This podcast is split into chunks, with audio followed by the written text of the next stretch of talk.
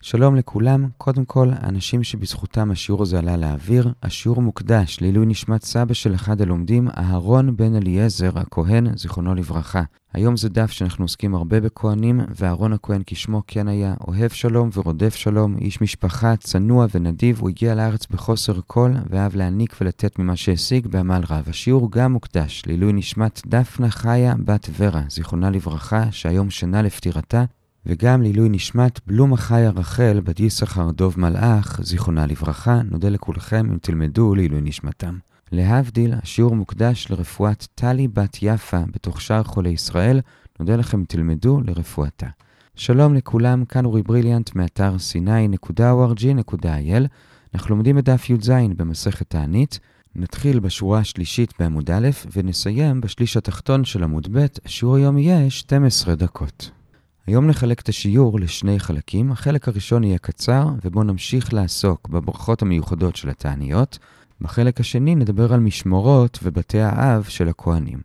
אז החלק הראשון לגבי החתימות של הברכות המיוחדות. נזכיר שלפני יומיים ראינו במשנה את שש הברכות הנוספות שהיו אומרים בסט האחרון של התעניות, ולגבי זה נראה עכשיו שתי הערות. הערה אחת לגבי הברכה הרביעית והחמישית, המשנה אגב קוראת להם החמישית והשישית, כי סופרת גם את ברכת גואל ישראל. בכל אופן, הברכה הרביעית הנוספת זה את שמואל במצווה וכולי, ברוך אתה השם שומע צעקה, וברכה הבאה, את אליהו בהר הכרמל וכולי, ברוך אתה השם שומע תפילה. והגמרא מניחה שזה לא במקרה שעל שמואל אנחנו חותמים שומע צעקה, ועל אליהו שומע תפילה, זה כי בחיים שלהם שמואל צעק ואליהו התפלל. שמואל צעק, כמו שכתוב בשמואל א', פרק ט"ו, ויזעק אל השם כל הלילה, ואליהו התפלל, כמו שכתוב, ענני השם ענני. זו הגרסה במשנה שלנו. אבל, אומרת הגמרא תנא, יש ברייתא ששם הגרסה מוחלפת שעל שמואל חותמים שומע תפילה, ועל אליהו חותמים שומע צעקה. ואומרת הגמרא, מילא על שמואל זה מובן, כי באמת שמואל גם התפלל, כמו שכתוב בפרק ז' בשמואל א', ואתפלל בעדכם. אבל לגבי אליהו, איפה כתוב שהוא צעק? עונה הגמרא באותו פסוק שהזכרנו, ענני השם ענני. עצם הכפילות הזאת מראה שזו לא היה סתם תפילה רגועה, אלא צעקה. זו הייתה הערה ראשונה לגבי הברכה של שמואל ושל אליהו. הערה שנייה זה לגבי שתי הברכות הבאות, וזה של יונה ודוד ושלמה. ושואלת הגמרא, הרי כל הברכות עד עכשיו היו לפי הסדר ההיסטורי, אברהם אבינו, אבותינו על ים סוף, יהושע בגלגל, שמואל, אליהו, אבל פתאום בשתי הברכות האחרונות הסדר מתהפך, וקודם מזכירים את יונה, ורק אחרי זה דוד ושלמה, והרי יונה היה בימי המציע המלך, שהוא עשר דורות אחרי דוד. עונה הגמרא, החליפו את הסדר, כי רוצים שהחתימה האחרונה תהיה ברוך אתה השם המרחם על הארץ. כי הרי בסופו של דבר בשביל זה התכנסנו כאן, בשביל שיהיה גשם על הארץ. וממילא רוצים לחתום בדוד ושלמה, כי דוד ושלמה התפללו על הארץ, הם עסקו בבניית המקדש, שזה עיקר הארץ. לעומת יונה, שלא קשור לארץ, הוא התנבא על חוץ לארץ, ולכן הפכו את הסדר. זו הערה שנייה, ועד כאן החלק הראשון לגבי הברכות המיוחדות של התעניות.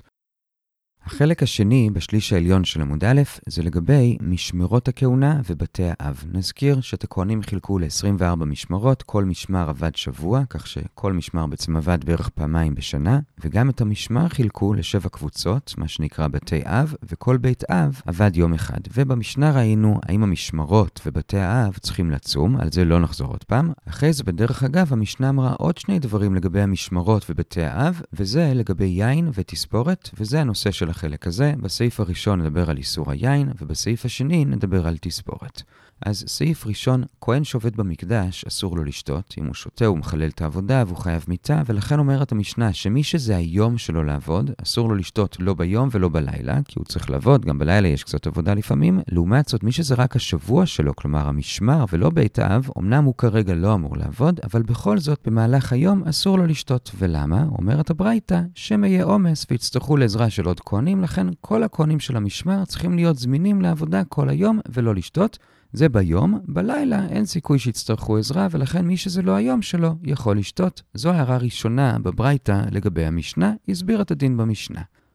מתוך זה ממשיכה ברייתא לנקודה שנייה, והיא אומרת, לפי ההיגיון הזה, שאפילו שזה לא היום שלו, הכהן צריך להיות זמין, אז אומרים חכמים שלפי זה, גם בימינו שאין מקדש, גם עכשיו הכהן צריך להיות זמין, כי הרי יכול להיות שפתאום היום ייבנה המקדש, ולכן הכהן צריך לא לשתות גם כשאין מקדש. עכשיו, הברייתא מסייגת את זה, א', זה דווקא בכהן כזה שיודע שבית האב שלו קבוע שם, כלומר, לפי רש"י, זה בית אב כזה שבאמת היה עובד במקדש, לא כולם באמת עבדו בפועל, וזה גם בית אב כזה שלא התחלל במהלך ההיסטוריה, כך שכשהיא כשיבנה המקדש באמת הם יעבדו, זה תנאי אחד. הגבלה נוספת, הוא לא צריך כל השנה לא לשתות, אלא רק ביום שבו הוא אמור לעבוד. אז אם הוא יודע איזה משמר הוא ואיזה בית אב הוא, וממילא הוא גם יודע מה התאריכים המדויקים שהוא אמור לעבוד, אז רק באותם ימים הוא צריך לא לשתות. ואם הוא לא יודע איזה בית אב הוא, אבל הוא כן יודע איזה משמר הוא, אז רק בשבוע של המשמר הוא צריך לא לשתות. ואם הוא לא יודע לא את זה ולא את זה, אז באמת הוא צריך לא לשתות כל השנה, כי הוא לא יודע מתי פתאום הוא ייקרא לדגל, הוא צריך להיות זמין. זו דעת חכמים. רבי לעומת זאת מחמיר ומקל. כלומר, מצד אחד הוא מחמיר ואומר, לפי היגיון שלכם חכמים, לא רק מי שלא יודע איזה בית אב הוא וכולי, אלא גם מי שיודע צריך לא לשתות כל השנה, כי מאיפה אתה יודע שכשיבנה המקדש יעשו בדיוק את אותם תרוניות שהיו לפני אלפיים שנה, אולי ישנו את הסדר והוא לא יודע את זה, לכן הוא צריך כל השנה לא לשתות. זה מצד אחד, הוא אומר את זה לדעת חכמים שמחמירים.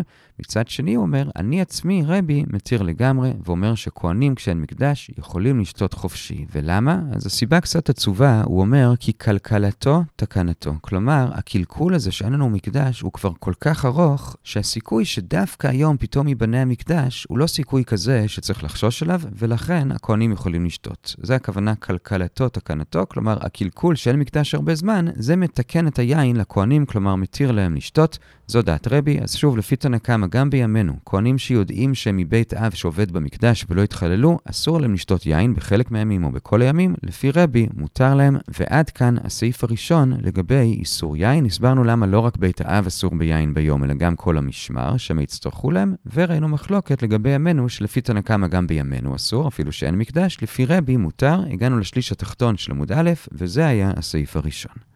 הסעיף השני בשליש התחתון של עמוד א', זה לגבי תספורת, גם זה מובא במשנה בדרך אגב, וגם את זה נחלק לשני שלבים. שלב ראשון מאוד קצר נסביר את המשנה, בשלב השני נראה עוד נושא עוד יותר אגבי. אז שלב ראשון אומרת המשנה שאנשי המשמר אסור להם להסתפר ולכבס בכל השבוע שלהם חוץ מיום חמישי לכבוד שבת, ושואלת הגמרא למה, הרי לכאורה הם צריכים להיות מכובדים. עונה הגמרא, בדיוק בגלל זה. אנחנו רוצים שהם יסתפרו ויכבסו לפני השבוע שלהם, שייכנסו מכובדים ויפים ולא מנוולים, ולכן הם יודעים שאסור להם לעשות את זה בתוך השבוע, וככה הם יעשו את זה לפני. כמו שגם בחול המועד זה אסור בשביל שנעשה את זה לפני. זה שלב ראשון, זה מה שקשור למשנה.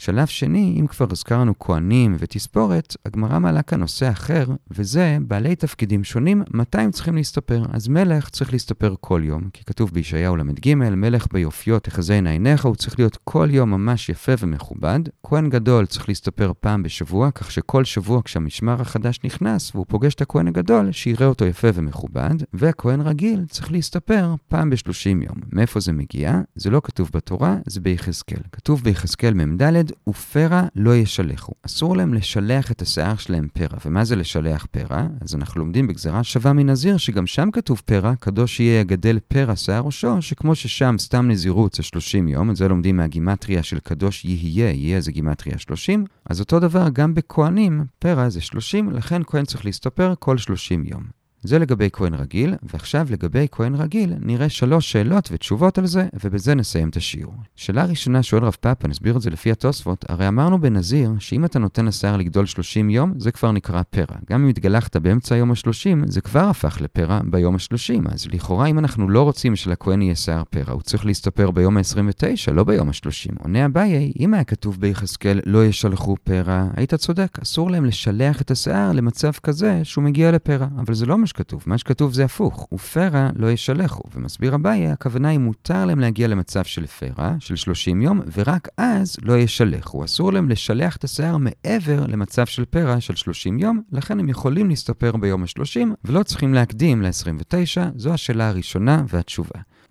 שאלה שנייה, שואלת הגמרא, הרי מקודם אמרנו לגבי היין, שאפילו שהיום אין מקדש, אנחנו חוששים שפתאום הוא ייבנה, ולכן גם היום שאין מקדש, כהנים צריכים להקפיד לא לשתות, לפי הגדרות השונות שראינו. אז למה לגבי שיער אין היום כהנים שמקפידים על זה, ולגבי זה הגמרא מביאה שלוש תשובות.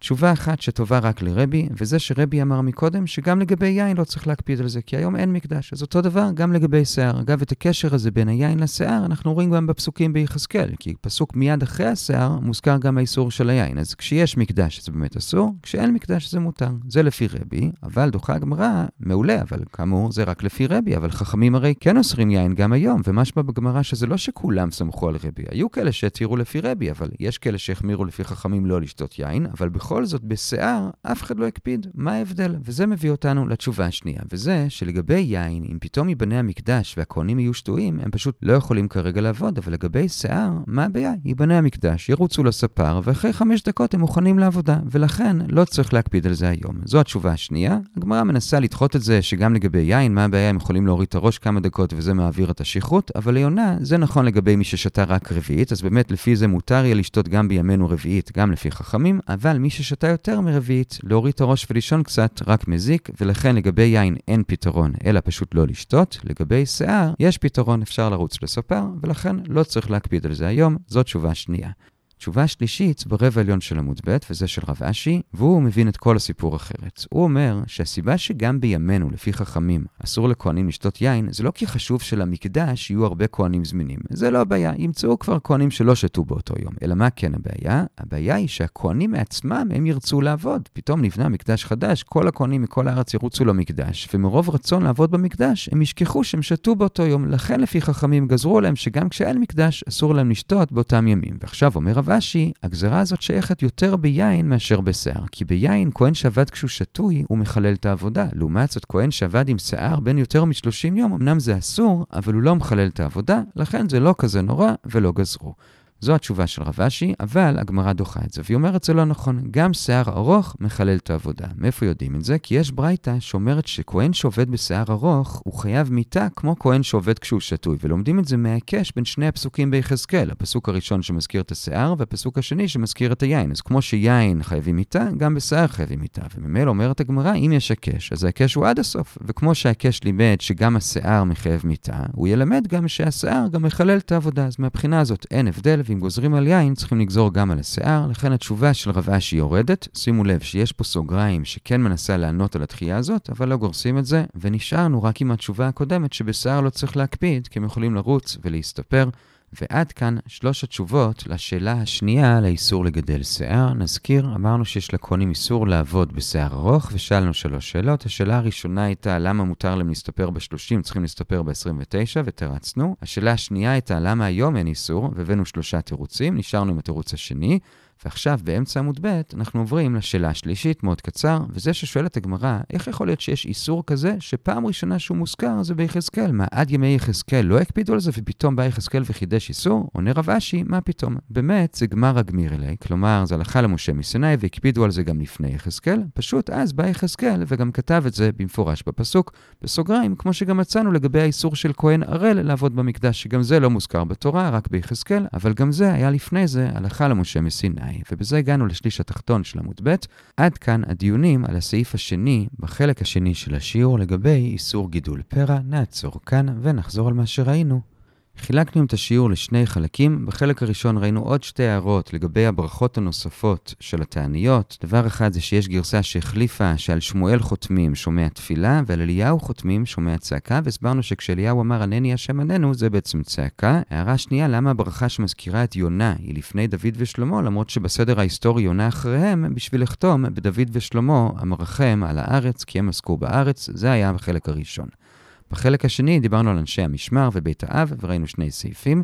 סעיף ראשון זה שגם לאנשי המשמר אסור לשתות יין במהלך היום, אפילו שזה לא היום שלהם, שהם יצטרכו את העזרה שלהם. ומכאן אמרו חכמים שגם בימינו שאין מקדש, גם כן אסור להם לשתות יין, או בכל השנה או בחלק מהימים, תלוי, כי אולי פתאום ייבנה המקדש, וזה יהיה התור שלהם לעבוד. לעומת זאת רבי מקל ואומר לא חוששים עד כדי כך שפתאום ייבנה המקדש היום, והוא מתיר. זה לגבי יין.